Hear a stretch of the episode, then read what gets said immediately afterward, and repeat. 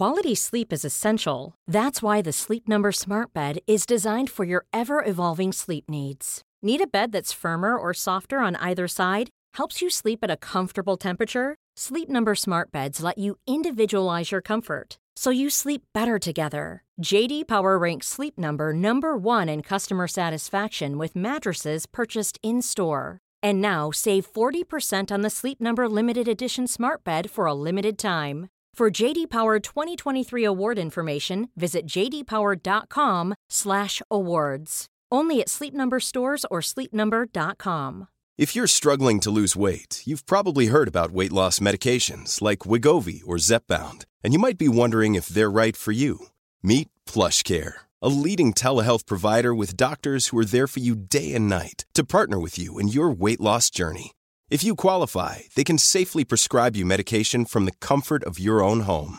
To get started, visit plushcare.com slash weight loss. That's plushcare.com slash weight loss. plushcare.com slash weight loss. Der er vi tilbake. Vi har, eh, det er nytt sykkelshow. Nytt sykkelshow på gang. Du er tilbake, Tobias. Det er en glede å ha deg tilbake her. Takk for at jeg fikk komme igjen. Det er hyggelig. Det er ikke så lenge siden sist. Vi, som dere eh, kanskje vil merke etter hvert, så har vi Det er jo bare oss. Det er jo sånn når katten er borte, så danser musene, musene på bordet. Øystein er Han har jo litt sånn ferie, er på Skåbu. Eh, I Skåbu. På Skåbu, så jeg vet ikke hva du sier. Eh, og der er det litt sånn dårlig dekning og litt sånn dårlig internett, så han eh, kunne ikke være med. Og så tenker jeg at nå skal vi jo nerde sykkel, eh, og kjenner jeg eh, Øystein rett, så er han han er ikke så nerdete. Han er mer en praktiker enn han er en uh, teoretiker. Så han liker mer å sykle i skauen. Han er oppe og hygger seg på fjellet nå, nyter livet, mens vi kan sitte som disse stuegrisene vi er, vi er, og følge med på Tour de France på TV. For det er, uh, få ting jeg setter høyere. Og så kom jeg på det, Tobias, jeg tar jo for gitt at du følger Tour de France-sirkuset. Følger du egentlig med? Liksom? Ser du på sykkel? Ja da, eh, jeg gjør det. Nå, nå skal det sies at jeg er inne i en litt sånn trå periode hvor kroppen ikke funker helt, så det er ikke, er ikke hver dag det er like gøy å se på, men eh, sånn å se Jeg husker ikke, det var etappe 11 eller noe, eh, som var på onsdag nå. eh, Der hvor Jonas tok over gulltrea. Det, det er veldig kult å se på. og det, det er absolutt noe jeg ikke jeg, altså jeg vil ikke gå glipp av det, ikke i det hele tatt, men det er ikke da ting butter litt, så er det ikke alltid gøy å se på sjøl. Altså. Nei, nei, for, ok, Vi må høre mer om det her. fordi eh, Som vi snakka om sist, da, så du sykler jo på eh, verdens beste sykkellag, Team Jumbo Visma. Så Du sykler jo på lag med de gutta som nå er i Frankrike og, og dominerer alt. liksom. Altså Team Jumbo Visma de, de, altså, de, de leker jo der nede nå. Eh, Det er da Jonas Wingård, som du nevner nå, som nå har den gule trøya. Eh, som eh, Tadej Pogacar sprakk litt. Vi kan snakke mer om det siden, om hva som foregikk der. Eh, og så er det selvfølgelig Wout van Aert, som, som kanskje er verdens beste syklist eh, for øyeblikket. Da. Han er allrounder. Spurter best, klatrer bra, går i brudd. Eh, hjelper, han gjør alt. Absolutt alt. Eh, og så en haug av andre råskinn selvfølgelig på laget. Eh, men, men så sier du at eh, kroppen din ikke funker. Eh, Få høre, liksom, Hvis vi tar deg først, da, før vi går inn i Tour de France. eh, Er det en som henger igjen fra giroen? Fordi du, du leverte vel litt under det du hadde hoppa på der? Ja, det starta egentlig før giroen. det er litt samme problem jeg har kommet, kom på nå. Det er litt, sånn, litt frustrerende, for det er vanskelig å finne, finne en årsak. Men jeg, det handler bare om at det er pushekroppen, spesielt i høyden, så, så ja, skjer det en eller annen type reaksjon på kroppen som ender med inflammasjon, og ja, kan gå opp tre kilo over natta uh, i væske. Eh, Og det, veit ikke helt hva grunnen er, men det skjedde også før giroen. Og det roa seg aldri før giroen heller, så da du sykler rundt med fire-fem kilo ekstra vann underveis i to i en Grand Tour, så sier det seg sjøl at da, at da sliter man litt med å levere på topp. Uh, men alt det her har kommet hva skal man si, etter covid og etter den krasja jeg det der, så ja, hva som har vært, vet jeg ikke, men jeg skal ikke se bort ifra at det har eh, vært en påkjenning på kroppen, og, eh, både med covid og krasj, og at den ikke har kommet seg helt til balanse ennå. Ja. Er dette, jeg føler dette er sånn eh, at det er ganske vanlig toppidrett, og selv, selv med de som du skulle tro har det beste apparatet rundt seg jeg, vil, jeg vet ikke hvor, ofte når du, når du trener så antar jeg du, du tar eh, du, du tester, man tar sånn melkesyretest underveis. og Man, jeg vet ikke hvor, hvor mye man gjør ja, for å tracke at du ikke skal presse for hardt. Ja, eh, det der, der er for så fin, da. Eh, Den, eh, den forteller oss på en måte hvor du skal ligge, og forskjellige soner. Så man, man, går litt ned da man går med opp i høyden.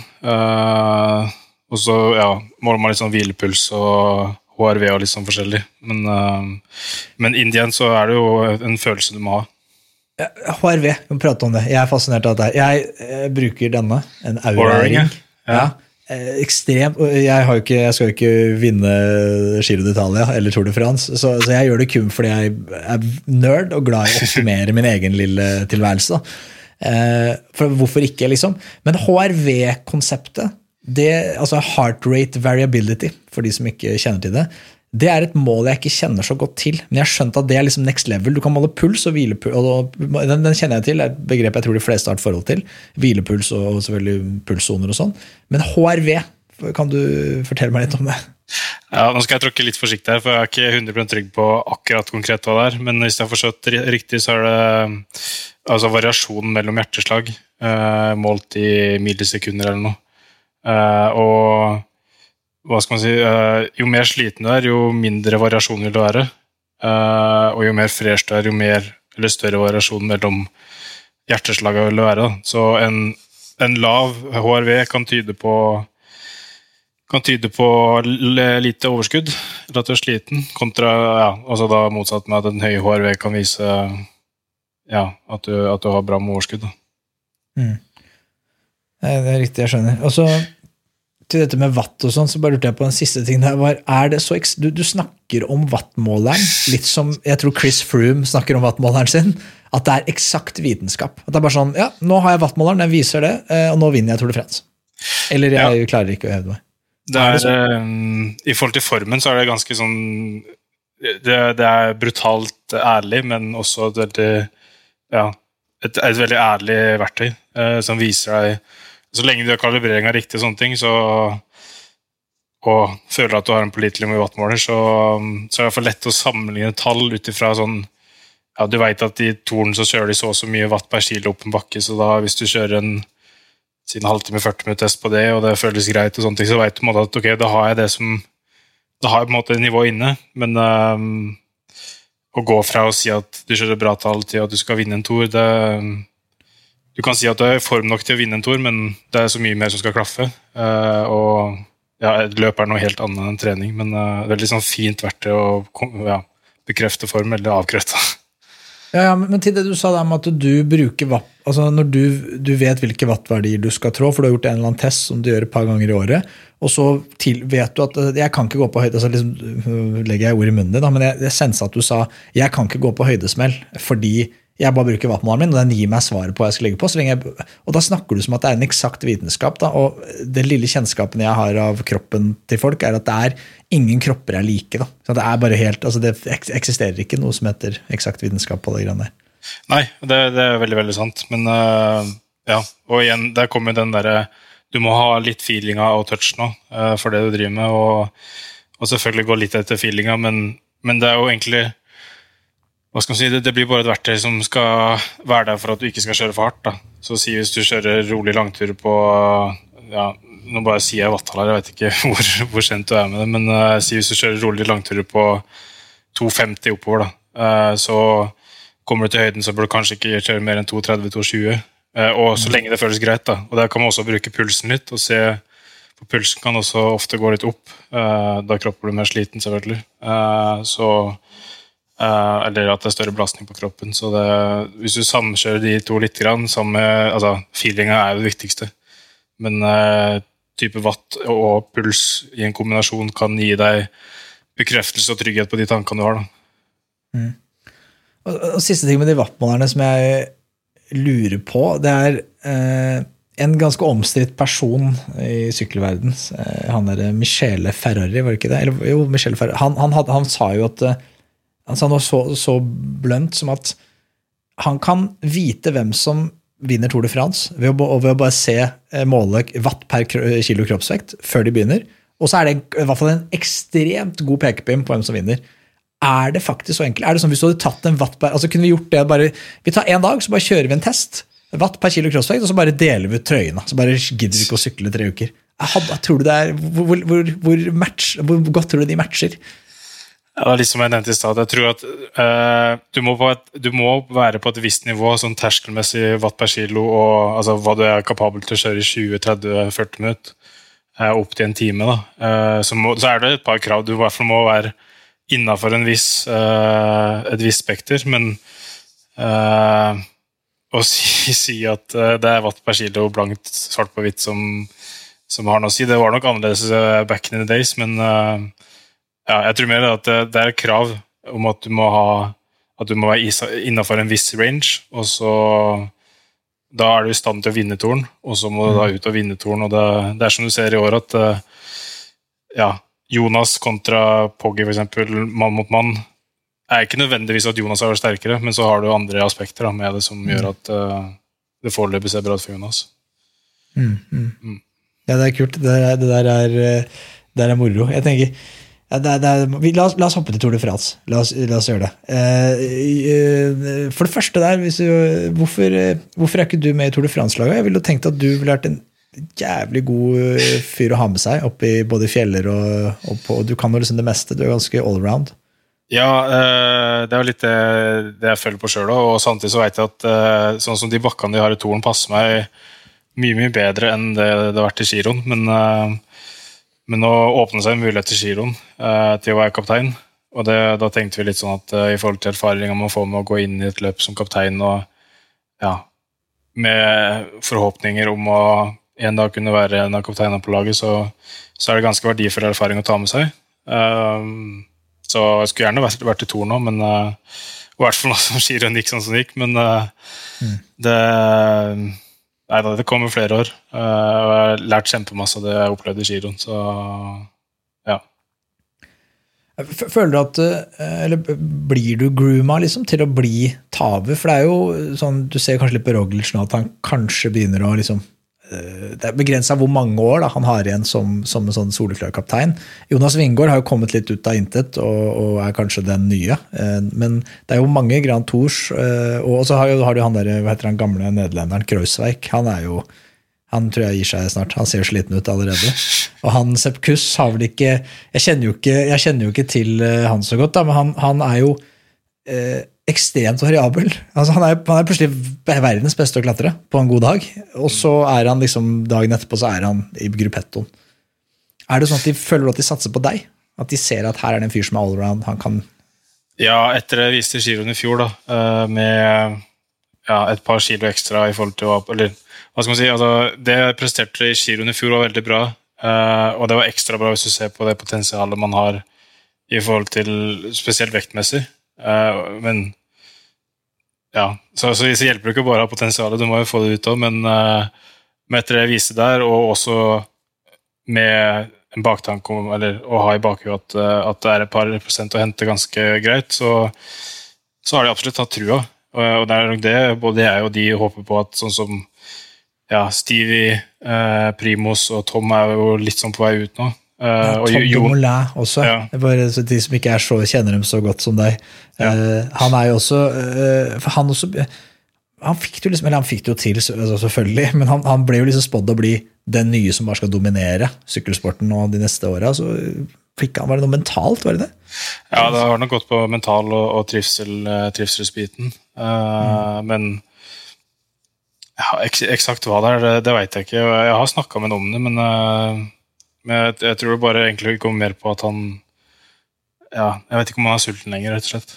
Uh, og det er helt fair. Han har oppnådd det kjempemasse, ja, ja. så, så det, ja, det, men det, det, er bare Og så tror jeg det at kanskje hans forventninger kontra laget eller publikum sine eller sånne ting var ikke helt samkjørte, så da, da ble det liksom kanskje litt cringe. da. Uh, men, uh, men, ja, som man ser, så, så er jo Tom er ute etter sesongen i år. Stevie er vel litt sånn på vegne. Begynner å å bikke på par og 30. Og Primos har nok et par eh, skikkelig gode år igjen, men han er jo liksom Om man ser fem år, eller tre år fram i tid, da, eh, så ja, så er han også på vei ut. Så ja, det ideelle situasjonen for både meg og laget hadde jo vært om, om jeg og Jonas kunne tatt over etter hvert. Men uh, mm. uh, ja, Jonas er der, men så må jeg også begynne å ta, ta et par steg til. Men det skal nok absolutt være mulig. Ja, vi, vi, må jo det. Vi, vi må bare, det må jo bare skje, det. Men, men uh, til det med hvor, hvor, liksom er det en skole, liksom? Det er kapteinskolen. Hvor mye, det, det er jo kjempeerfaring, vil jeg tenkt, og fra Tom Dumoulin, Primoz Roglic de gutta som har vært der, gjort det. Eh, de har sikkert gjort masse ting feil som de skulle vært foruten. Hvor mye sånn overføring og kunnskapsoverføring legger, man, legger laget til rette for det, eller er det litt opp til deg å plukke opp det gamle, gode gamle røret og ringe? Ja, nei, det, det er opp til meg eh, å liksom ja, bruke muligheten sånn I fjor så var jeg heldig og fikk dele rom tre uker med Primus på høydesamling. Eh, da får du kjempemasse input. Har delt rom med både Tom og Stevie før òg. Uh, og det er jo egentlig bare ja, være rundt dem, se hvordan de jobber. Kjøre løp med dem, benytte muligheter til å stille spørsmål. Det, det, er på en måte der, der det ligger, og det, igjen, altså det, det er mitt ansvar. Det er ikke noe sånn at ja, det, det, det, er den brutale sida med toppidretten at det, det, vil alltid være erstatningsmuligheter. Så Om jeg ikke tar ansvar for min egen utvikling og karriere, så vil det alltid være en annen som kan ta over. Så, så det er jo også opp til meg å ja, benytte muligheter til å lære og, og, ta til meg ting som de har erfart. Da. Hvor lang kontrakt har du i Jumbo nå? Jeg har eh, ett år til. Så ut i år, og så ut neste år. Hvor, hvor viktig tror du det blir sånn eh, presset for neste år? Er det sånn at hvis du leverer det du gjorde i giroen i år, tror du at de begynner å se seg rundt da, til en annen eh, fyr som kan være samme Jonas Wingård, eller er det Ja, eh, det regner jeg med, men samtidig så tror jeg de mister jo ikke helt håp på meg, det tror jeg ikke. Eh, og, og det er sånn, i, i, verste fall så kan jeg jo bare bli en, en veldig, veldig bra hjelperytter.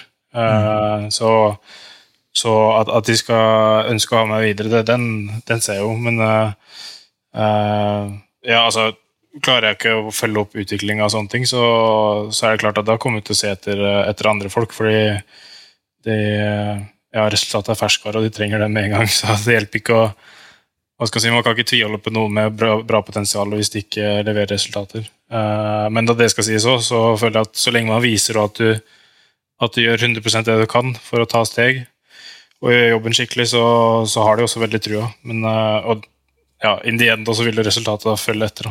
Uh, ja.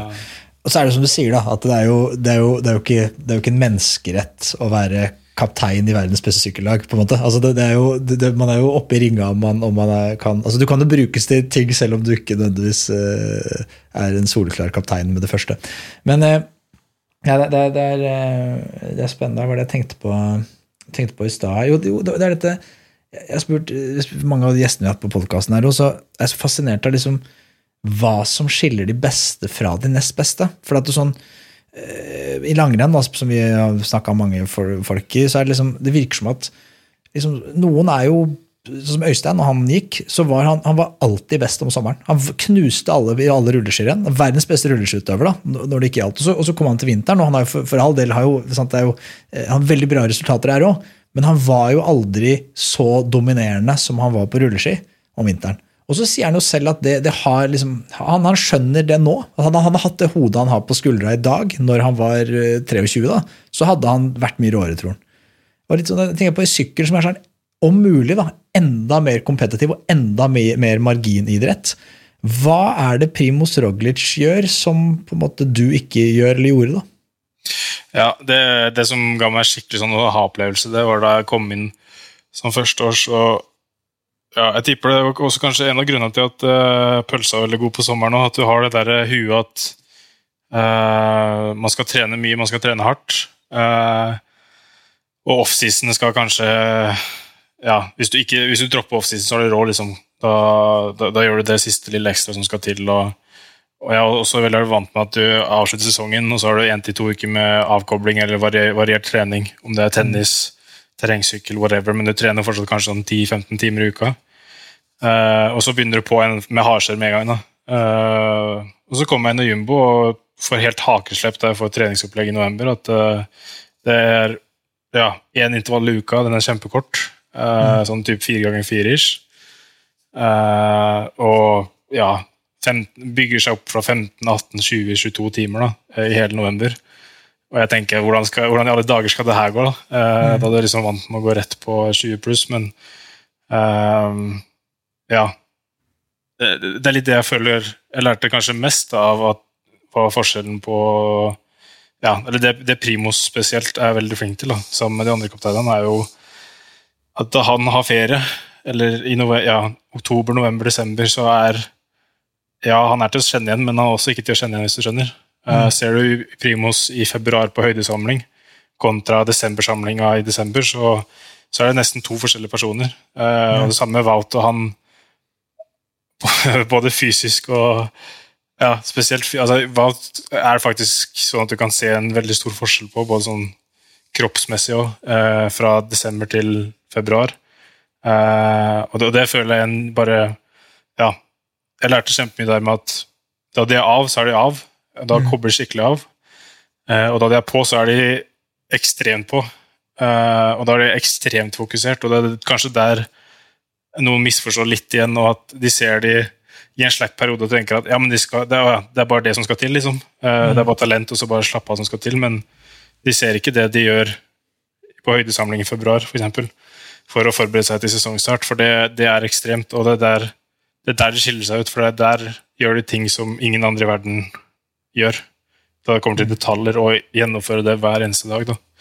Um, og det føler jeg at det handler også veldig mye om å ja, kjenne på seg sjøl hva som er viktig uh, for, for, en sjøl, uh, og tørre å gå den veien. For det er jo også litt sånn ja, Det var kanskje derfor Northug ble litt sånn satt på plass i Norge, da han turte å ja, gi litt beng på, på sommeren og, og, stille opp. Du ser at de stiller opp og, og gir blaffen i at de er dårlige, eller i hvert fall Johannes, da, at han er dårlig, dårlig på som, eh, sommersamlinger. Um, og, men igjen så er de der på vinteren, og det, igjen så er det det som er viktig. så Om de da trenger de ukene til å koble av på til å være i stand til å gjøre det som kreves, da, da, da jobben skal bli gjort fram til vinteren det, ja, Jeg føler på en måte der ligger jo eh, kanskje den største forskjellen. Og det at de tør da å slappe skikkelig av med det, da alle andre er i dritbra form.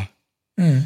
Ja, det er jo det vi har snakka om også, at de, eksemplene bruker liksom Northug og Emil Iversen og sånn, som på en måte virkelig det ser ut som de er det er fullstendig ferie, og så er de plutselig veldig på. Og Northug var kanskje ekstre, helt ekstrem på det, sånn som Øystein forteller. i hvert fall. At han liksom, Når han var på, så var han så på at han liksom han, gadd, han, kunne ikke spise lunsj med Han måtte, liksom, han måtte hvile så mye at han måtte spise mens han lå, da, for å hvile helt. Som er den siden vi ikke ser, men så har han vært veldig god på å fronte den slakke sida. Han, han, er veldig god og mye i media når det er sommerferie og da han er på Granka, men han er ikke så opptatt av å vise når han er på høydesamling for seg selv, når alle andre som tjener litt roligere. Men som du beskriver nå, så høres det ut som det er veldig mentalt, da, og det kan jo være at det er så mentalt. Jeg, at det som, altså, er, mental, er det, den pausen er den først og fremst for det mentale, eller tror du også det er noe fysiologisk? At det å tørre å at kroppen må få henta seg inn, der, og det er sånn den blir bedre. Mens du og kanskje Øystein og han var på topp, at han ikke turte. Du er så redd for du tenker at nå har jeg, jeg var litt dårligere enn de andre i fjor. Hvis jeg bare trener, Nå slacker Northug, liksom. Jeg ser han er på Granka, nå bare trener jeg, og da vil jeg bli bedre. Men det er det faktum at han er på Granka og slacker, som faktisk gjør han best. Hvis du skjønner? Ja, ja. Uh, og det ja, det, det merker jeg faktisk veldig. Altså, jeg, jeg, tror sånn, den down-timen, eller timen, da, eh, er veldig, kanskje mest viktig mentalt. Men sånn som i, i fjor, oktober, da, off-season, så var det første året hittil i karrieren min der hvor jeg har hatt fire uker av sykkelen. Mm. Uh, og jeg har aldri hatt fire uker av sykkelen sammenhengende siden jeg begynte å satse som 14-15-åring. Uh, eh, og det gjorde ganske mye med kroppen, uh, i positiv forstand. At ja. ja det er også noe med det at kroppen altså Du bryter ned kroppen så sinnssykt mye at ja, det kan ikke bli for mye av det gode, men å gi kroppen hvile til å mm. absorbere alt og hente seg inn igjen, og sånne ting, det er viktig. Uh, og det er praksis uh, Ja, ren praksis, sånn som de gjør det i, i Worldtouren, at uh, det er gjerne i hvert fall minst tre uker av sykkelen. helt, helt ingen, ikke noe trening på sykkel? Ja, ingenting. Ja. Og det, det, er mange da som ikke gjør en dritt. og Uh, jeg husker Første året mitt så bestemte jeg for å ta to uker av. da. Uh, men da begynte jeg liksom, første dagen begynte jeg å gå to timer fjelltur og så liksom holde kroppen i gang litt. for det, ja, det var det jeg var vant med. Mm. Og Da fikk jeg etter to-tre dager en ganske krass melding fra, fra treneren at nå må du, nå må roe ned og gi kropp, kroppen hvile. Ja. Uh, og Det var også litt sånn aha-opplevelse. at ja, også, Det er også veldig godt mentalt å kunne ha den altså, Nå er ikke det det er kanskje hakket bedre som skiløper å ha det på, på, våren og kunne ta sommeren litt fri, men eh, som syklist å ja, kunne få hele oktober til å bare slakke, være med familie, venner, om man har kjæreste. så altså, Egentlig bare være en helt vanlig person eh, i tre-fire uker. Eh, og så bruke november-desember til å bare komme seg godt i gangen. Eh, uten å liksom bruke altfor mye krefter på det. Og så, så veit man at fra januar så må være sinnssykt sharp. Da. Så det er sånn, ja, veldig, veldig periodisering. da. Det kommer opp, i, ja, opp mot toppen. Men, men disse det unike med disse nye stjerneskuddene, med van de Poel og van Ert eh, og Pidcock, eh, er jo det at de, de har aldri Tilsynelatende er de aldri helt av, fordi de bare bytter gren. De. Så når det er oktober, da er det begynner cyclocross-sesongen, gjør det ikke det? Er ikke den rundt da? Uh, jo, men, men, men der tror jeg sånn Det ser kanskje ikke ut som de har av, men for det første, altså, grunnivået deres er såpass bra at de kan komme fra én til to uker ferie og fortsatt være bra. Mm. Men eh, sånn som mens vi da kanskje har offseason i oktober, så har også Wout da offseason, men han har kanskje bare to uker og starter treninga litt tidlig igjen. eh, for å få med seg cyclecrossen. Men så har han da også to nye uker da, da cyclecrossen er ferdig. Så de og Jeg tror Igjen da, så tror jeg at grunnen til at de er så bra uh, De har et ekstremt talent, for all del, men de er også sinnssykt flinke til å planlegge og vite hva som er viktig for seg sjøl i forhold til når de skal ha fri og sånne ting. Uh, som gjør at de tar, fri på riktig tidspunkt, de er på på riktig tidspunkt. Og da ser du også det at de løpa de kjører, da er de alltid ja, på topp, da, stort sett. Uh, og det er, jo, ja, det er jo egentlig bare megaimponerende. Ja, det er, det, det, er veldig, det er veldig moro med gutta. Men Tour de France. Vi må, nå må vi komme ja. oss inn i komme oss inn Tour de France. For, for eh, det, jeg, jeg, jeg syns sykkel er kjempemoro. Tour de France er jo, er jo høydepunktet. Eh, og eh, hva, Hvordan er stemninga? Er det noen sånne interngrupper? og sånn? Liksom, hvor, hvor, mye får du være med på når, når, det er nå som de gjør det så jævlig bra, og de lykkes så til gangs med taktikkene sine? Hvor mye får du, du oppleve av det? Er du helt, liksom, du er ikke, eksisterer ikke for dem nå? Nå er det fokus i Frankrike? Ja, eh, det er både og. Vi, eh, vi, bruker WhatsApp til alt, så vi har eh, en gruppesett der med alle ansatte i Jumbo Visma. Ja. Der var det, det, er standard, det er, så, det er sånn fellesmeldinger innimellom fra sjefene, og så er det blir skrevet 'bam' da, hver gang man vinner. Så ja. den plinger jo godt og varmt nå om dagen. Men det, og så har vi også en gruppesett med, med alle syklistene på laget. Altså bare utøverne. og det der ble jeg faktisk sendt en del meldinger etter den etappen da hvor uh, Jonas tok over og liksom drar sjøl gutta og og var sinnssykt kult å se på. Det, ja. man, man, blir jo inkludert sånn sett. Uh, men uh, man merker også det at Staff er litt mer stressa. det er litt sånn nå det er litt problemer, så er det litt, litt vanskeligere enn normalt å kontakte legen og, og, og sånne ting. Men, men, det er også helt, helt naturlig, for, for Torn er så stort. og ja, Det er kanskje litt for lett å, å hause det opp og gjøre det større enn det egentlig er. Men, uh, men det betyr såpass mye for laget at uh, alle, alle, i staff er så skjerpa. Uh, og da er det også knapt med tid til å, til å ta kontakt når man ikke er en del av det opplegget. Men La oss snakke om den etappen du refererte her. For det er jo den etappen som var på onsdag. Som første liksom, skikkelige fjelletappen i Alpene. Hvor, hvor Vingegård lå 39-40 sekunder bak. Eh, og, så Roglers var jo ikke så langt bak, men liksom hadde tapt litt på den brosteinsetappen. Eh, og, og, da, og så begynner de jo å angripe ekstremt tidlig sammenlignet med hva som var vanlig. Du, du, visste ikke noe om den taktikken? Det er, liksom, det er kun de som er i, i Frankrike, som, som legger og, og, vet om? ikke sant? Ja, eh, taktikkmessig så, så ut fra det jeg har skjønt, så er det bare altså Den lages egentlig på bussen. Så det er svært få der, men, men, de har på en måte de er veldig flinke til å lage en sånn type kjøreplan. Da. Eh, og litt sånn, ok, hva er taktisk? Så de har nok en gruppe her og der med, med de riktige folka som diskuterer taktikk, men der er ikke, er ikke vi. Så vi har, vi har, null peiling. Men uh, det er klart at du ser at både Laporte og Wout er i bruddet, så skjønner du at her har de et eller annet Her er det en baktanke med det. Uh, og det at de klarte å, å gå så all in, å lykkes på den måten, det, det, var, det, var, sinnssykt inspirerende og kult å se på fra, fra sofaen. Jeg, jeg føler man har sett det her så mange ganger før. Jeg føler det er så sjelden at det funker. For det, det er jo Mm. mange ganger man har sett det før at Jeg føler dette er sånn klassisk Movistar-grep. At de skal prøve seg på noe. Når det var Valverde og Quintana var sånn dual-kapteiner, og så sender de ut som Marc Soler og, de, og noe sånn Rojas eller et eller annet fjas langt ut i brudd, og så, og så skal de, sant, de hjelpe til. Men det, det funker ikke, ikke sant? De, de, de, og det er sannsynligvis fordi at de Valverde og, og Quintana har mangla De har blitt droppa sånn? Når, når, de skal, når skal smelle. Eh, så det har ikke funka. Det kule her var jo at det funka. Men Roglic eh, For det kule var at Roglic lå han lå, altså, Det er farlig fordi det er Roglic. ikke sant? Han kan jo plutselig være i sinnssyk form, så du vet du kan ikke la han gå. Og han var ikke langt nok bak til at liksom, angrep fra Roglic kunne være farlig.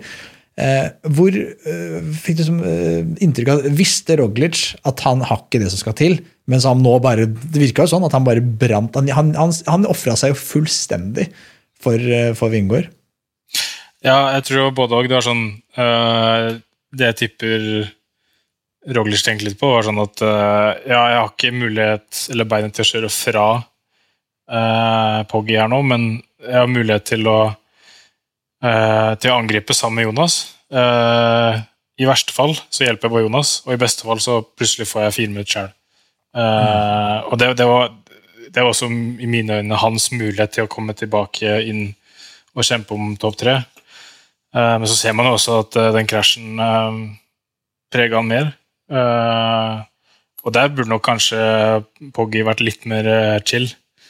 eh, Og ikke gått så hardt på Roglic, ettersom Ja, han måtte jo betale for det til slutt, men eh, det var jo perfekt eh, Perfekt kjøring sånn sett av Jonas og Primos. Eh, de fikk virkelig kokt Pogge der. Ja, og så, og så var det jo bra når disse Laporte og, og han Nå fikk man ikke brukt Wout på den Han, han fikk jo, man fikk brukt ham på å hente opp igjen eh, Roglic. og sånn så var det, så var det, kult. Det, er så, det er så kult. Det er så mye sykkel. Liksom, det elementet har ikke ski og langrenn på samme måte. For det, det der lag, det lagelementet der, det, det, er, synes jeg er så, det, er, er så rått. For det er så, det har så mye å si. da. Eh, mens i, i ja, mitt inntrykk på, på ski, så altså, effekten er ikke så stor. så det, har ikke det, samme, det er ikke det samme behovet for å være lagspillere.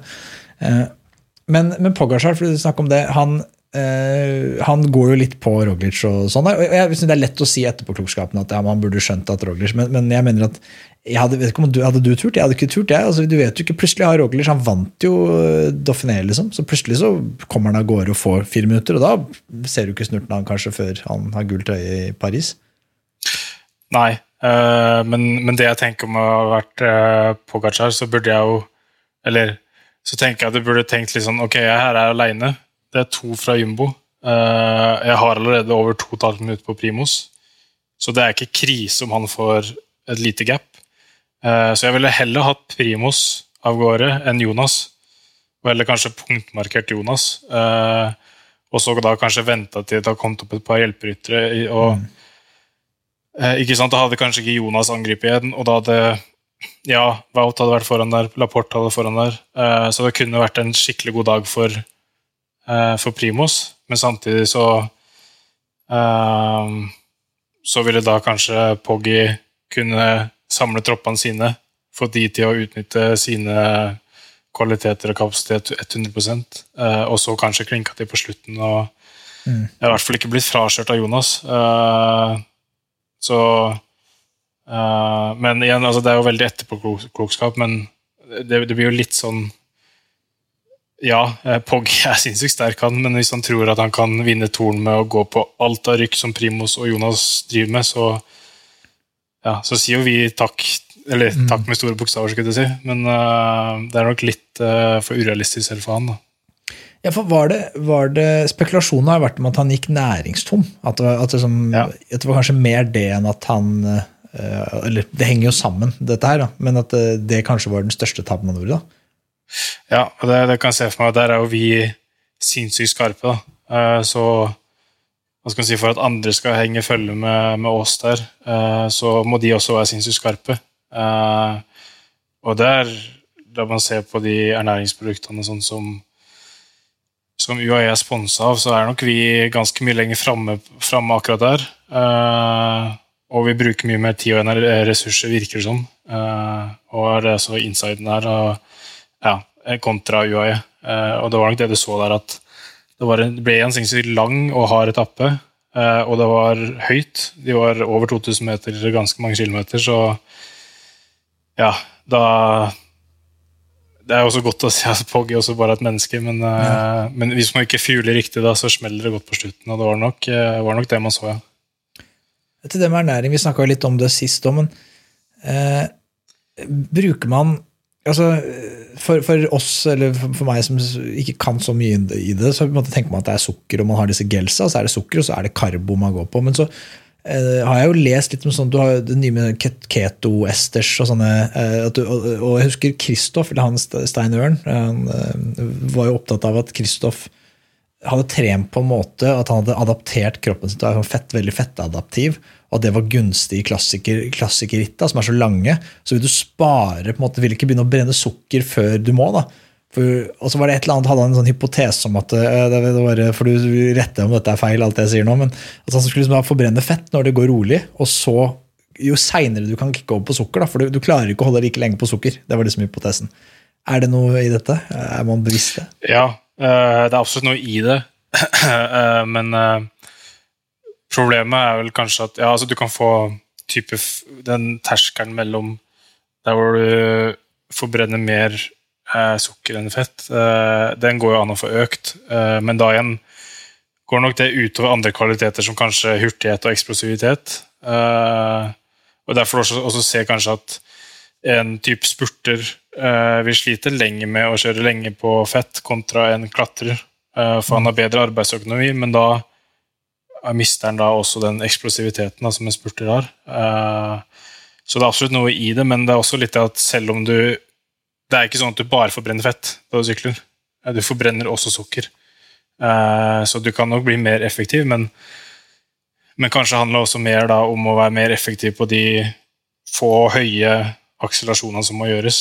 For selv om du kanskje snitter 2,50 og det går rolig i feltet, så så har du piker over 400. Uh, så ja.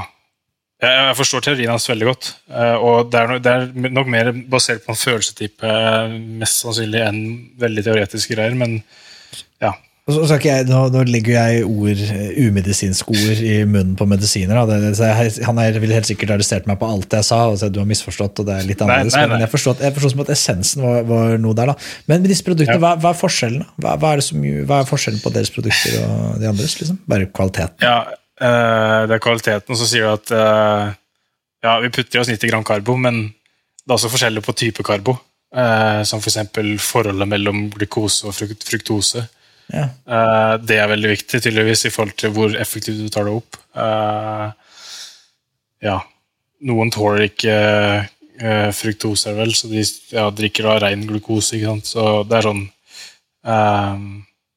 Ut ifra det, da, så Hvis du begynner å spørre et ernæringsselskap om Eller ja, de som lager sånne ernæringsprodukter, da, om om sånne veldig teoretiske ting der, så merker du nok fort forskjellen som er veldig oppdatert på vitenskapen og ikke. Mm. Uh, og der er vi veldig på med å ha ja, tre-fire ernæringsfysiologer på laget som er veldig på der. Uh, og ja, jobber jo også med uh, en nederlender som også starta den Never Second-greia som, som, vi bruker nå.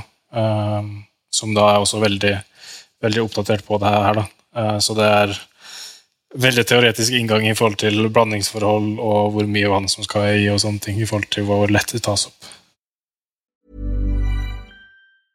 Quality sleep is essential. That's why the Sleep Number Smart Bed is designed for your ever-evolving sleep needs. Need a bed that's firmer or softer on either side? Helps you sleep at a comfortable temperature? Sleep Number Smart Beds let you individualize your comfort so you sleep better together. JD Power ranks Sleep Number number 1 in customer satisfaction with mattresses purchased in-store. And now save 40% on the Sleep Number limited edition Smart Bed for a limited time. For JD Power 2023 award information, visit jdpower.com/awards. Only at Sleep Number stores or sleepnumber.com. Many of us have those stubborn pounds that seem impossible to lose, no matter how good we eat or how hard we work out. My solution is PlushCare. PlushCare is a leading telehealth provider with doctors who are there for you day and night to partner with you in your weight loss journey. They can prescribe FDA-approved weight loss medications like Wagovi and Zepbound for those who qualify. Plus, they accept most insurance plans. To get started, visit plushcare.com slash weight loss. That's plushcare.com slash weight loss. Du slår meg som at du er ganske belest på dette selv. Og Øystein har nevnt en gang at han eh, var altfor lite interessert i det når han gikk, var aktiv selv. At, han, at, Det er først når han begynte i langløpsgamet hvor han begynte å sette seg inn i ernæring, hvor viktig det er. Han bare spiste havregryn og bare spiste det han følte han trengte, og så cruisa på. ikke sant? Mens, men er, er, det generelt at alle utøvere i dag er opptatt av det, for det er alle detaljer, eller er det kun de beste eller noen få som er det? Ja, altså sånn som du da ser på meg sjøl, så, så altså jeg, jeg, sitter aldri på kveldene og leser uh, studier eller, uh, eller uh, bokstaver på det her. Eller ja, forskjellige typer bøker og diverse. Det, det gjør jeg ikke. Så, så, alt kommer jo fra det man erfarer og det man spør om og, og får input av. Så vi har jo, i hvert fall nå i år, før vi fikk ny, ny ernæringssponsor, så fikk vi også da også et lite sånn foredrag eller leksjon i, i, i, de forskjellige produktene, hva det inneholdt, diverse greier. Uh, så Sånn sett lærer man veldig mye. Men, uh, men jeg har også begynt å få veldig trua på at det er ikke lurt å være hjernedød, det tror jeg ikke, men det er veldig lurt å uh, stole på folk mm. og levere litt av ansvaret til, til de. og sånn som Det er så mye mer ålreit å ha en ernæringsfysiolog som jeg stoler 100% på. og er det noen, så spør jeg han, og jeg bruker råd fra han. Uh, og jeg tenker så lite som mulig sjæl på ernæring, og om jeg tenker på så snakker man med en gang. Det samme gjelder med trening. at Da har jeg en trener som, som jeg stoler på. Han, han, legger opp opplegg. Er det noen spørsmål, så stiller jeg selvfølgelig spørsmål rundt det, men i bunn og grunn stoler nesten blindt på det han putter opp. Um, selvfølgelig er det alltid ålreit, og jeg tror alltid det er nødvendig å ha en liten forståelse selv på hva, hvorfor trener jeg det her i dag, eller hvorfor spiser jeg det her nå. Men uh, om man kan luke ut de mentale energilekkasjene der mm. uh, på å drive og tenke alt sjøl og liksom skal ta 100 ansvar sjøl, så, uh, så tror jeg at man kan spare såpass mye at man kan bruke den energien på heller gjennomføre og ja, sørge for at kvaliteten på det som blir gjort, er 100 For det, i Indien så er det mye viktigere enn at du lager verdens beste plan i huet. Mm. Eh, dette, dette, med å stole på uh, treneren, er det uh, det er mulig jeg bare har mindre tillit til folk, da, men, men du, du, må på en måte ha Hva, hva, hva, er track recorden deres for å på en måte fortjene den tilliten? Altså, er, det, er det den samme treneren som fikk Primoz Roglic til å bli verdens beste syklist? Liksom? Og da tenker du okay, han har gjort det før, så da kan du gjøre det igjen? Eller er det bare Nei, det er han som trener Jonas nå, da. Det er han som ja, okay. har fått Jonas til å liksom gå, fra, gå fra der til der, så, så jeg føler liksom uh, uh, Han bør være best i klassen som utgangspunkt. Trust er, er, ganske, er ganske høy, altså, så jeg er ganske trygg på at bare gjennomføre det han sier 100 eh, blindt, så, så, skal jeg nok bli god, jeg òg. Uh, så, så, så, det er jo ålreit. men igjen, altså, alt er jo veldig individuelt og personlig, så man må jo, man må jo være litt på og passe på at man at man tråkker riktig, men, uh, men har man skikkelig folk rundt seg, så, så, er det mye bedre å bare kunne stole blindt på de, og så, ja, som jeg ha mer fokus på å bare gjennomføre. Mm. Jeg tenker på Når jeg ser på Tour de France nå, så, så slår det meg liksom at det har skjedd noe i sykkelsporten med, med gjennomsnittsalderen til de beste altså, Jeg føler det var en sånn sannhet for ikke mange år siden, bare fem år siden og, og bakover, hvor, hvor, de beste sammenlagtrytterne Eller du er best når du er fra si 28 til 33. Eh, altså, det er liksom peak-årene dine. Eh, det er da du vinner Grand, Grand Tours. da. Men nå er de jo 21 og 22, og det er med Bernal og med han Hva er gammel han Jonas Vingård? 23? 22? 23? Nei, han er 26, faktisk. Han er gammel, eldgammel. Han er gammel, han er dritgammel. Nei, men du har jo eh, ja, Poggi, du har eh, Bernal, du har eh, Remco. Ja. Du ser jo det altså, Pidcock. Pidcock, ja. Du ser jo det også at trenden Nå er jeg hjemme og sykler NM, og det er ja, i hvert fall en ganske god junior på Lillehammer nå. Og da du bare hører Han er førsteårs junior, og da du hører interessen han har fra andre lag uh, allerede nå. Og ja, han kjører bra, men han, han var ikke sånn som Remco som vinner alt. Men han viser at han er absolutt potensial. Men du bare får den feelinga at uh, World Tour-lagene har så panikk nå uh, for å gå glipp av den nye Remco at de, de signer nesten hva som helst som, så lenge de gjør det bra. Da. Uh, og i veldig ung alder. Og det, ja, det er veldig forståelig. Uh, men, men hvorfor er det sånn? Veldig... Hva er det med Fysiologien har jo ikke endra seg. Menneskekroppen har jo ikke evolusjonsmessig endra seg på den tiden. Er det det at man har, Hvorfor er det sånn? Nei, altså, jeg tipper Det, det starta litt med at Remco, ja, spesielt da men også Poggi og Bernalo, viste at det var mulig å gå rett fra eh, rett fra junior. Og altså, De er veldig, veldig sånn ekstreme eksempler, men altså det at, det, at, det, går an å prestere høyt i ung alder, det, det viste de. da. Eh, og, det vil jo gi på en måte en mental boost eller, og selvtillit til, til, mange unge, så det hjelper veldig på. Og så tror jeg at, at, det rett og slett også handler om eh, kunnskap. altså eh, nå vet ikke jeg hvor detaljert ting, ting, gjøres i junioralder, men da jeg var junior, så var det ikke noe som het ernæringsoptimalisering eh, eller low fiber eller uh, ja, sånn treningsteoretisk messig. Og så var det ikke Det var nok ikke i nærheten av den innsikten de har nå til dags. Så om det på en måte det, det, er også veldig vanskelig for meg å sitte her og si, for jeg har ikke så innsikt i det, men om, om det handler om at de er flinke til å uh, få ut potensialet sitt i ung alder, eller om det uh, Ja, eller jeg, jeg, vil, jeg, vil, tippe at det er en miks mellom at de får ut det fulle potensialet, eller et, mer kanskje av potensialet sitt i form av prestasjonsforskjellige ting, uh, mm. og også det at kunnskapen er bedre fra ung alder, så de trener mye bedre og strukturert fra ung alder. Og det følte jeg også Det begynte vel jeg følte litt at det starta rundt mitt kull, at, at vi òg begynte å trene ganske bra fra sånn 16-17-årsalderen. Ja. Uh, I Norge, liksom? Og, og, ja, altså, og tok veldig innersving på de som var to-tre år ja, kull eldre enn oss. da. Uh, men igjen, da, så kom jo de som er fire år yngre oss igjen, da, og fem år yngre enn oss igjen, uh, og kanskje har trent sånn her siden det var 13-14 år. Ja. og tar enda mer innersving, så um, ja, jeg, jeg, vil egentlig tippe at det, det, meste handler om at jeg har uh, bedre kunnskap, mer informasjon, og rett og slett bare trent bedre fra ung alder. Tror du karrierene vil bli kortere? Altså, at det, at det altså, dette blir veldig så spekulativt, da, men at man måte, har en viss mengde du har som en viss mengde trening du kan kroppen, viss, mulig, viss mengde den kroppen kan få da, i løpet av et liv, før den er brukt opp litt. Toppnivået, toppnivå, liksom. At når du begynner så tidlig, så det kan være mentalt, eller så er det det fysisk også. At du liksom må legge opp når du er 30, da, fordi du var best når du var 21. Ja, øh, og det, det, blir jo litt spennende å se nå de neste ti åra altså hvordan utviklinga til Poggi og Bernal og de gutta her. For det,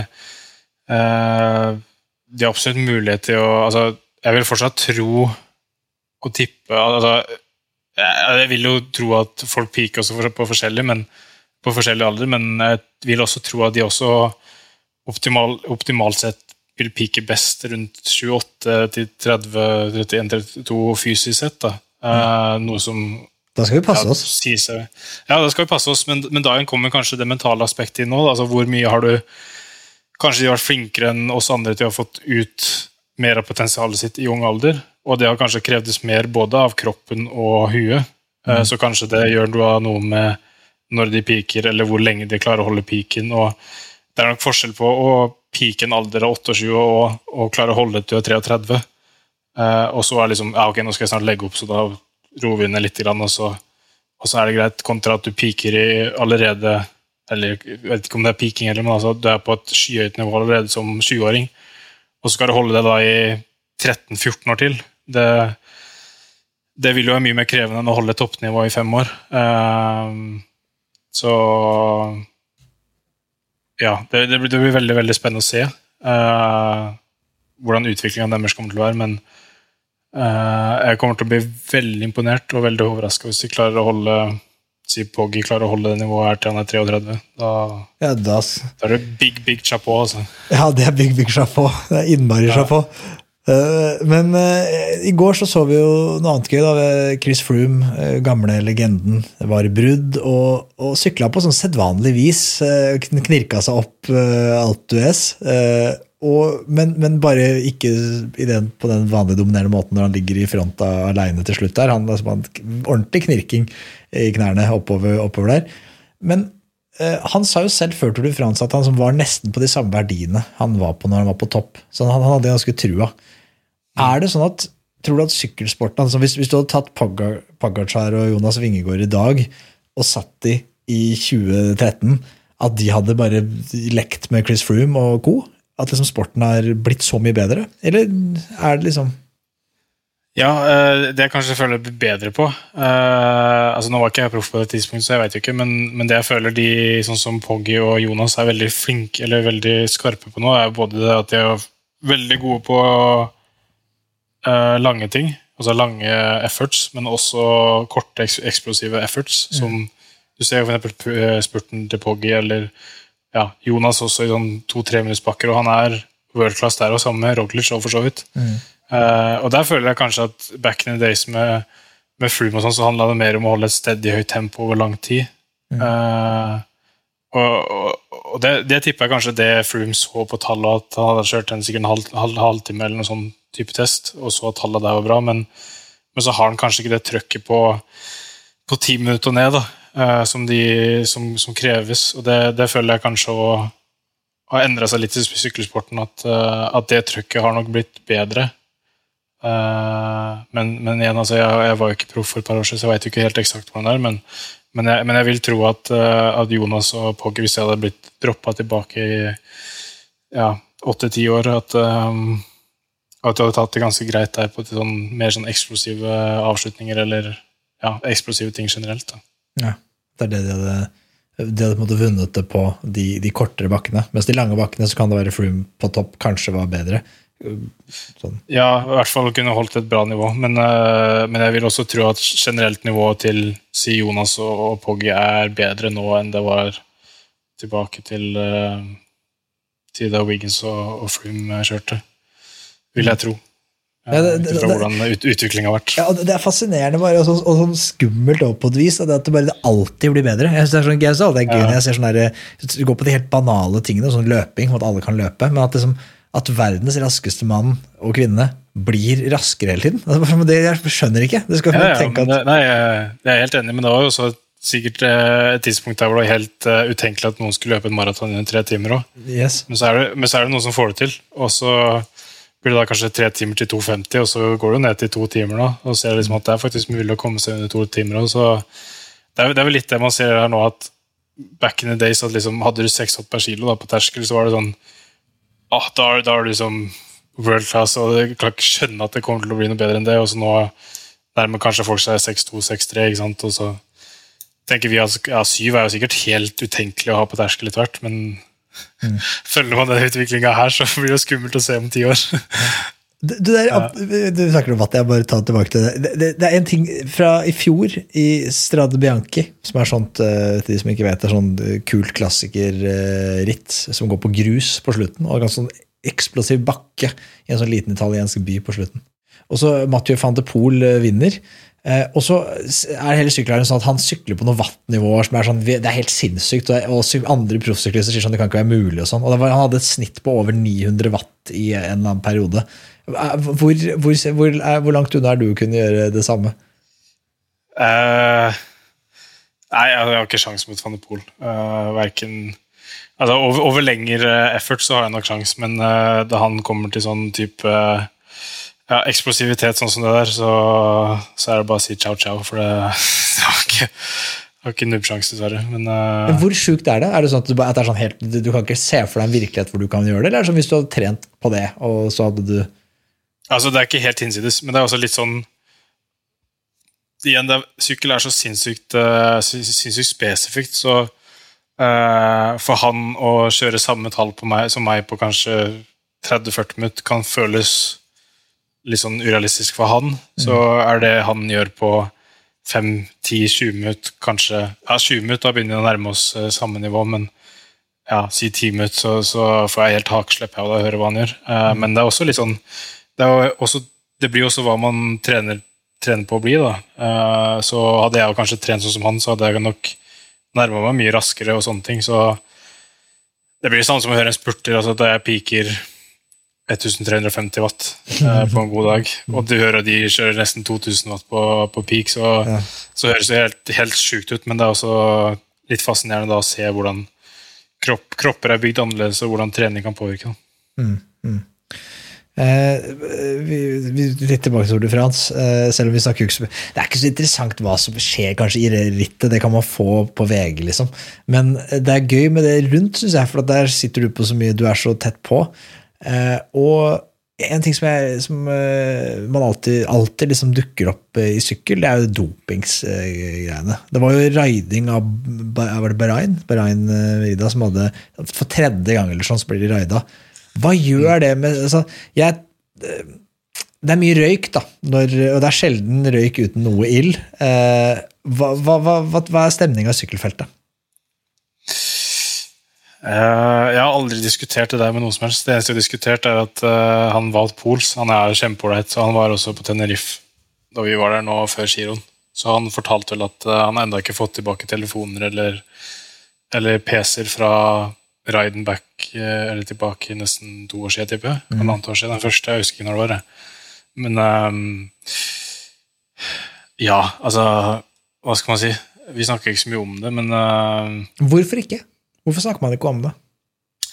Nei, jeg vet ikke. altså jeg føler liksom I, i det miljøet jeg er, så, så, er ikke doping det er egentlig ikke noe tema. Det er ikke noe Og det er jeg også veldig glad for, for jeg er ikke noe sånn type shady lag. altså Alt er veldig systemstyrt. Eh, så skulle altså Sannsynligheten for at en av lagkompisene mine driver med doping, er svært svært liten. Mm. For det er så systemstyrt, og vi har et system på ting. Og, og vi også viser at hvis du bare gjør det på de riktige måtene, så, så blir du god lell. Eh, mens hvis du har andre lag som ikke er så systematisk strukturert, da, så har han kanskje en trener her, og så bruker han den legen der. og så er Det, det er veldig sånn på frifot. Eh, og da ville jeg nok følt, mer, følt meg mer utrygg. Eh, mm. Og så ser du også noen med så ekstreme svingninger, uh, der de en dag si kan vinne etapper eller kjøre helt til toppen i kriterium Dauphiné og så stille opp i Tour of Kroatia.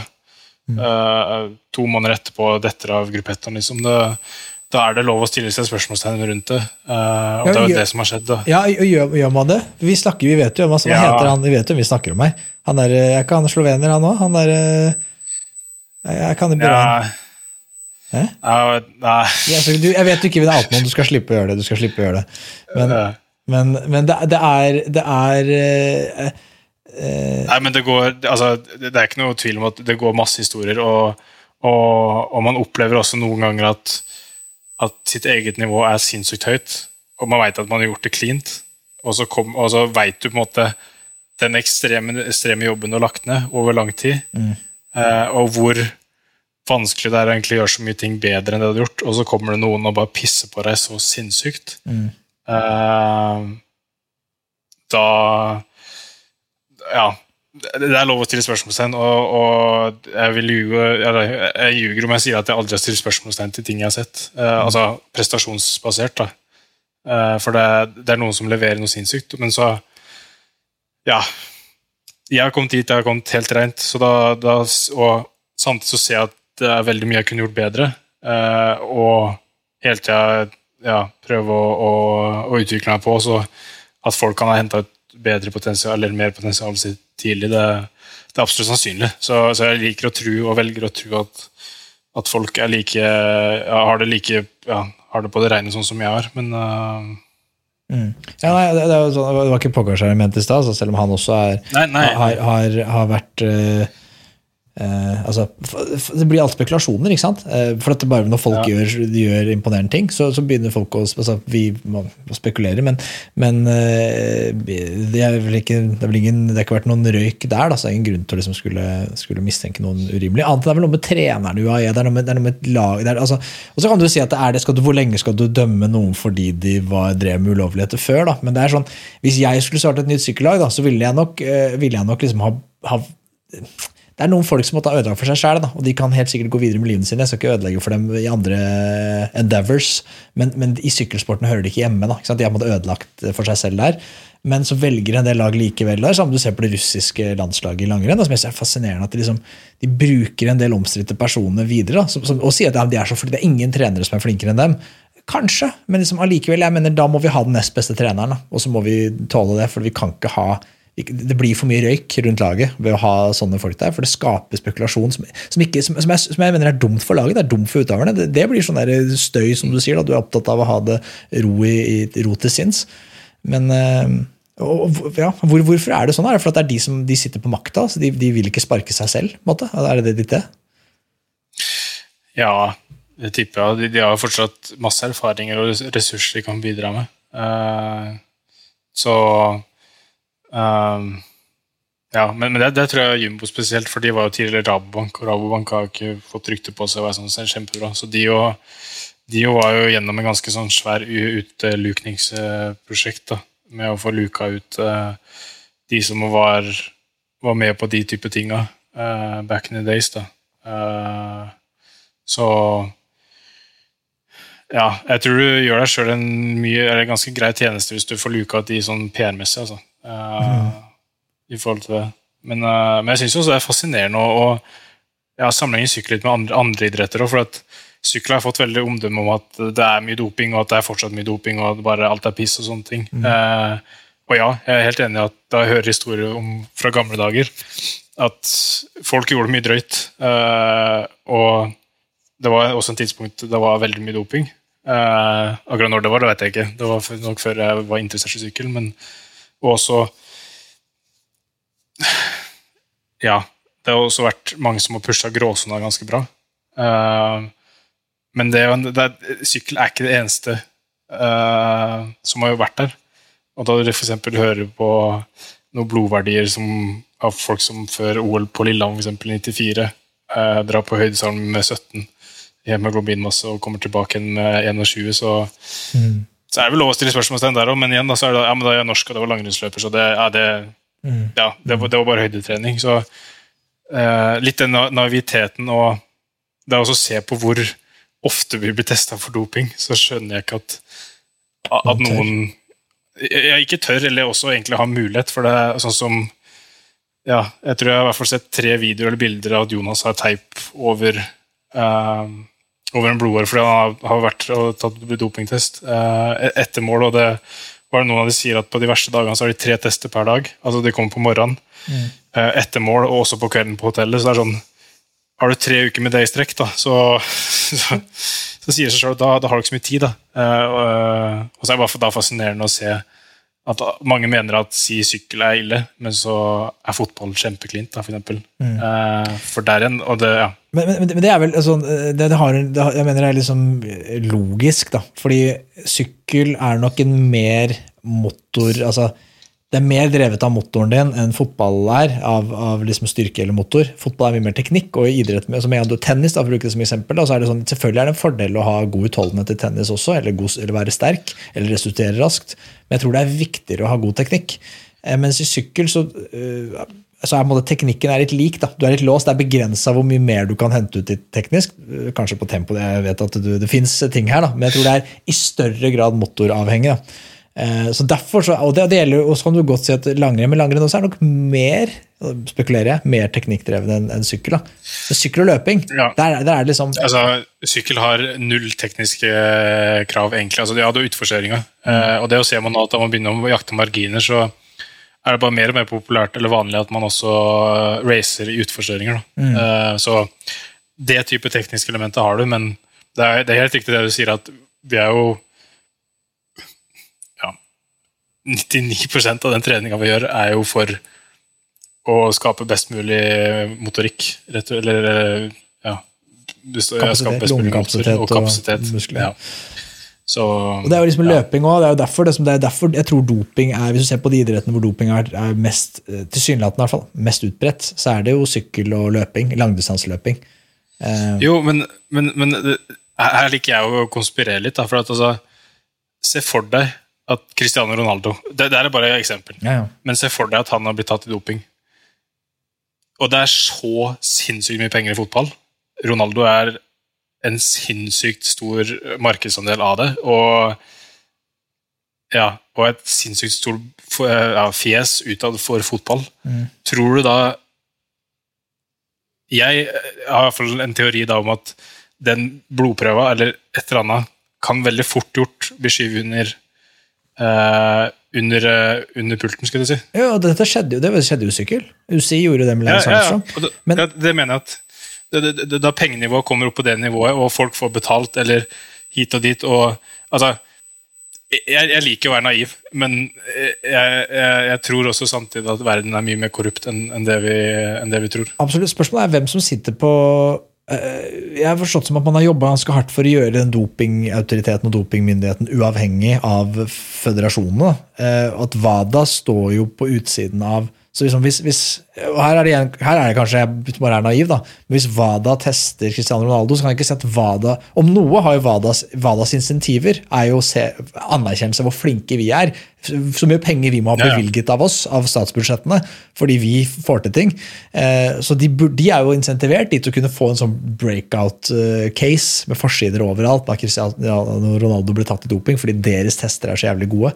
Så, så jeg, jeg, Ja, nei, altså, jeg, jeg vil jo tro sånn som fotball sånn er jo også ganske cleant, da, men det kan også da se på de sånn NFL og NBA og sånne ting som ikke har noe tilknytning til til sånne antidopinggreier, så Dopa til gjeldende. Altså NFL, de, det, vet, Ja. det vet man jo. De er jo dopa til gjeldende. Altså, det, det, er, altså, om, det, altså, om de er. Og så er det jo en del sånne ting som, som Der har du en del ting som er ganske altså Med testosteron og med sånn, spesielt veksthormon, da, som er sånn, sånn Ja. uh, HGH som er, Det, det fins ingen tester for det. ikke sant? Du, du klarer ikke å, eh, så det er jo, Du ser jo det at de, liksom, du, ser, det er liksom, du kan se at det er hender og, og hode og er føtter og sånn. At han der, hva heter han der Peyton Manning som har gått opp sånn fire skostørrelser sånn i løpet av er sånn, At han var liksom, at føttene hans vokste seint i, i 30-årene, liksom. Nei, please, liksom. Slutt å tulle. Det er, det er Ja, nei, det, det er helt sant, men det er bare det jeg mener at indiens som driver med underholdning, eh, og sykkel er en veldig stor eh, sånn type bedrift, men du har også noen type grener som er ja, kanskje spesielt de der eh, amerikansk liga-drevne idrettene som, som er en sånn sinnssykt kommersiell greie. Eh, så ja. Jeg liker å tro, som jeg sa, at, at, at, at blir man tatt, så blir man tatt. Eller gjør du noe galt, så blir du tatt. Men ja. Jeg er også ikke så, så naiv at jeg tror at folk kan, kan skygge unna fordi det, det kan skade omdømmet eller eh, ja, businessen generelt. Ja, så, men, men, men så, hører jeg det rett. Du tror um, Tror du at det er doping i sykkelfeltet i stor grad i dag?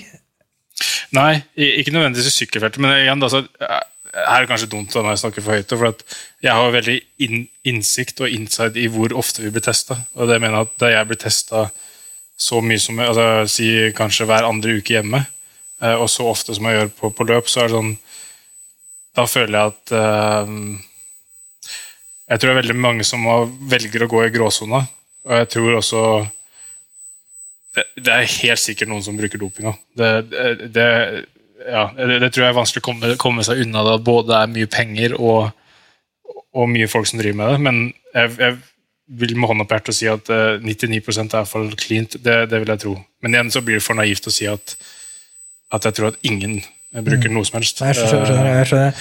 Uh, Men, Men, uh, men spekulasjonen ja. rundt uh, sånn doping da, er vel at det er sånne mikrodoser jeg bare, jeg, jeg, jeg, jeg, er veldig, doping er veldig fascinerende. Jeg, bare, jeg, jeg, Ja, er er jævlig fascinerende fordi at Jeg har hørt et par andre episoder og har fått med det. Ja, ja, ja, ja. Jeg, jeg, synes, jeg synes det er, og, og, og, så er det, og så er det det at det er så jævlig tabu, så jeg merker at folk blir så Øystein blir også, når, når jeg snakker om det, blir helt, sånn, og blir, blir helt så stressa. Ikke sant? Vil ikke snakke om det i det hele tatt. fordi at man er så, Og det er fordi at det er så, det er så det, Så lenge folk ikke er tatt, så er de på en måte per definisjon uskyldige inntil det motsatte er bevist. Så det å begynne å spekulere, det, det, det, det bare skaper overskrifter uten at du kan backe opp på noe vis. Eh, Men jeg er fascinert av den der kampen mellom vitenskapen og juksemakerne da, eh, og, og testerne. Og jeg tror liksom, som du sier der, da, det er, det er for mye å vinne på å, å klare det. At noen har på en måte, Samtidig som det er ekstremt mye å tape, da. Og kanskje det har blitt mer å tape nå enn det var Ja, før. men, men, eh, men, men se for deg det eksempelet her. da. Altså, er du fra Norge? Greit nok. Du, har, du kommer fra um, et samfunn der hvor du klarer deg helt fint uten idretten. Det, du kommer til å klare deg fint økonomisk lell. eh, og du blir 100 utstøtt fra samfunnet om du bruker doping. Så for at en nordmann skal bruke doping, den, den veien er lang, altså. Og- og det Altså jeg føler at da vi kommer utenlands og ser på hvor chill de andre er i forhold til å altså, Vi nordmenn er jo livredde for å gå på apoteket og bare kjøpe Paracet hvis du har vondt i huet. For du er redd for at ja, men det kan inneholde ditt og datt. Eller hvis du kjøper en Powerade på butikken, så kan det inneholde ditt og datt. og Jeg har så mange venner som er skikkelig paranoide på de tinga der, mens ja eh, eh, kommer, kommer, du til utlandet, så er det mye mer chill på akkurat den biten her. da. Eh, så det føler jeg bare kan også tyde på at det er ganske hardt miljø tror jeg, i Norge. Og, og det, det, mener jeg også er helt riktig, men det, det, er veldig hardt om du først blir testa positivt. Da, da, da, da, er du plutselig bitte, bitte liten. Men si hvis du da kommer fra et land som Italia. Italia, eller et land i, i Sør-Amerika der hvor ting, altså kåra er så fattig, mm. og du ser ok, hvis, hvis jeg bare pusher her nå, så kan jeg signere en ja, sier jeg proff i fem, seks, sju år og tjener si, snittlønn på 400 000-500 000 euro, altså 4-5 mil eh, i året, eh, så har du redda deg sjøl og familie og neste generasjon og generasjon etter der. Mm.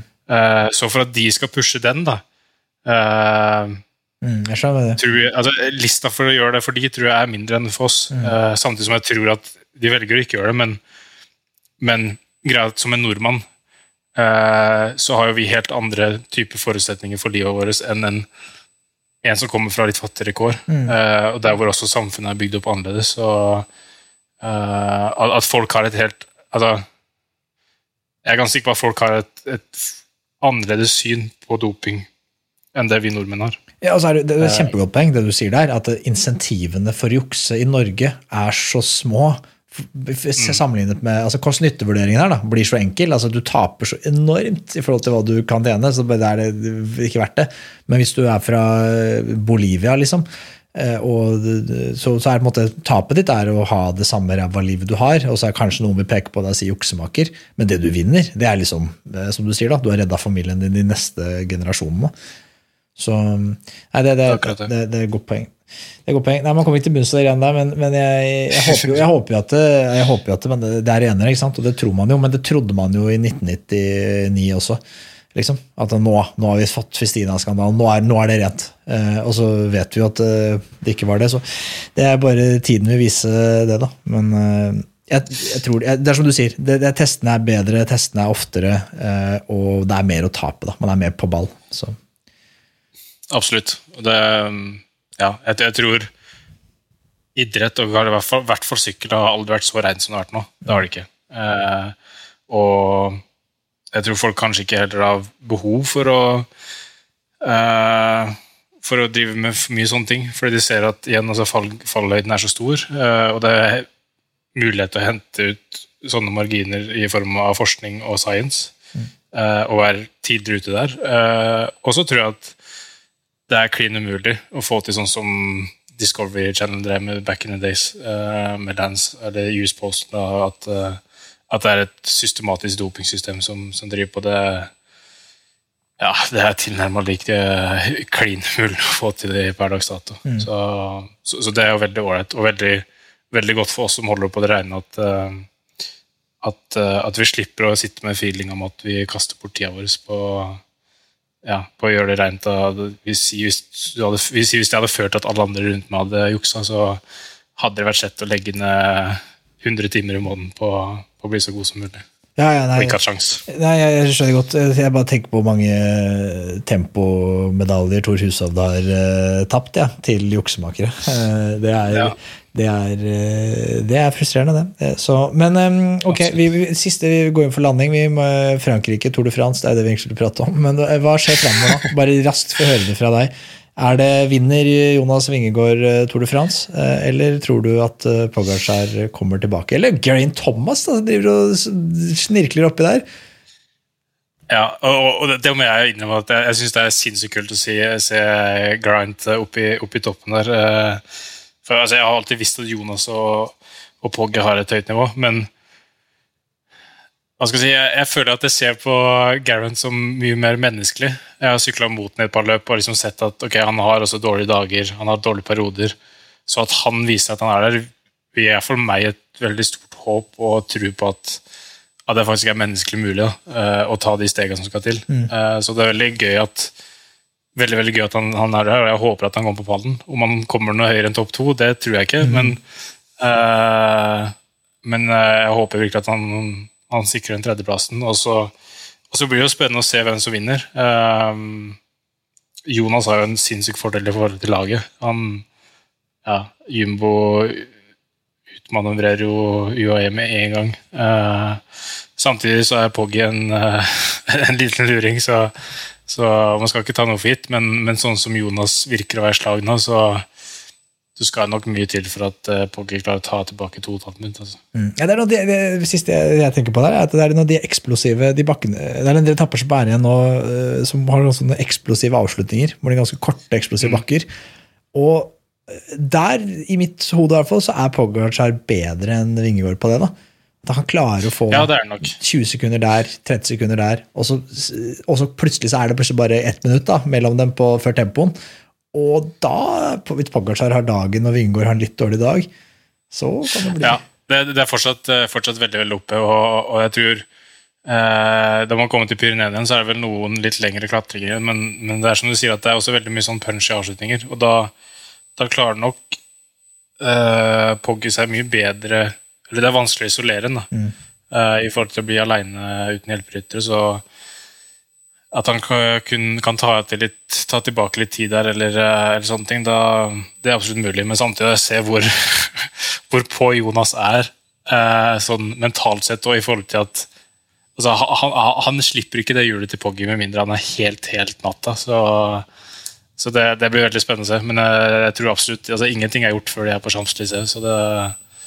Det blir uh, veldig artig å følge med. Ja, det er bra. Det er bra. Det er alltid en fryd å ha deg på. Vi får ha deg på igjen siden av det. Jeg syns det er kjempemoro å ha, fordi du er så innmari inne i dagens sykkelverden nå. Du er på verdens beste sykkellag, og, du er, og så er du i fremtiden, eh, da, Tobias. Jeg heier jo innmari på deg, så jeg håper at det, det de småutfordringene du har hatt nå, det bare er forbigående. Og så virker det som at du også er på, da. Du, du, er, liksom, du er, så reflektert og bevisst til, til, å være så ung eh, og, og være midt i det, så tror jeg det er liksom når man er det, da, har liksom selvinnsikt og er reflektert, og, men har selvtilliten og vet at du har, du har, jo det som skal til. Du vet jo jobben må gjøres. Og da kan det bli farlig. Jeg gleder meg. Absolutt. absolutt. Vi holder kontakten med Sanger. Det gjør vi.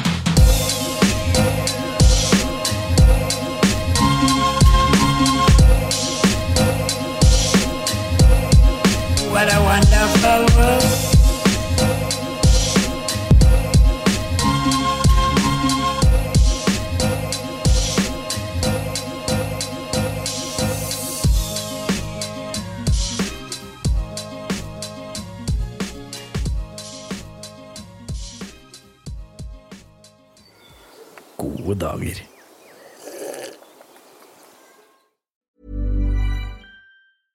Imagine the softest sheets you've ever felt. Now imagine them getting even softer over time. That's what you'll feel with Bowl and Branch's organic cotton sheets. In a recent customer survey, 96% replied that Bowl and Branch sheets get softer with every wash. Start getting your best night's sleep in these sheets that get softer and softer for years to come. Try their sheets with a 30-night guarantee. Plus, get 15% off your first order at bowlandbranch.com. Code BUTTERY. Exclusions apply. See site for details.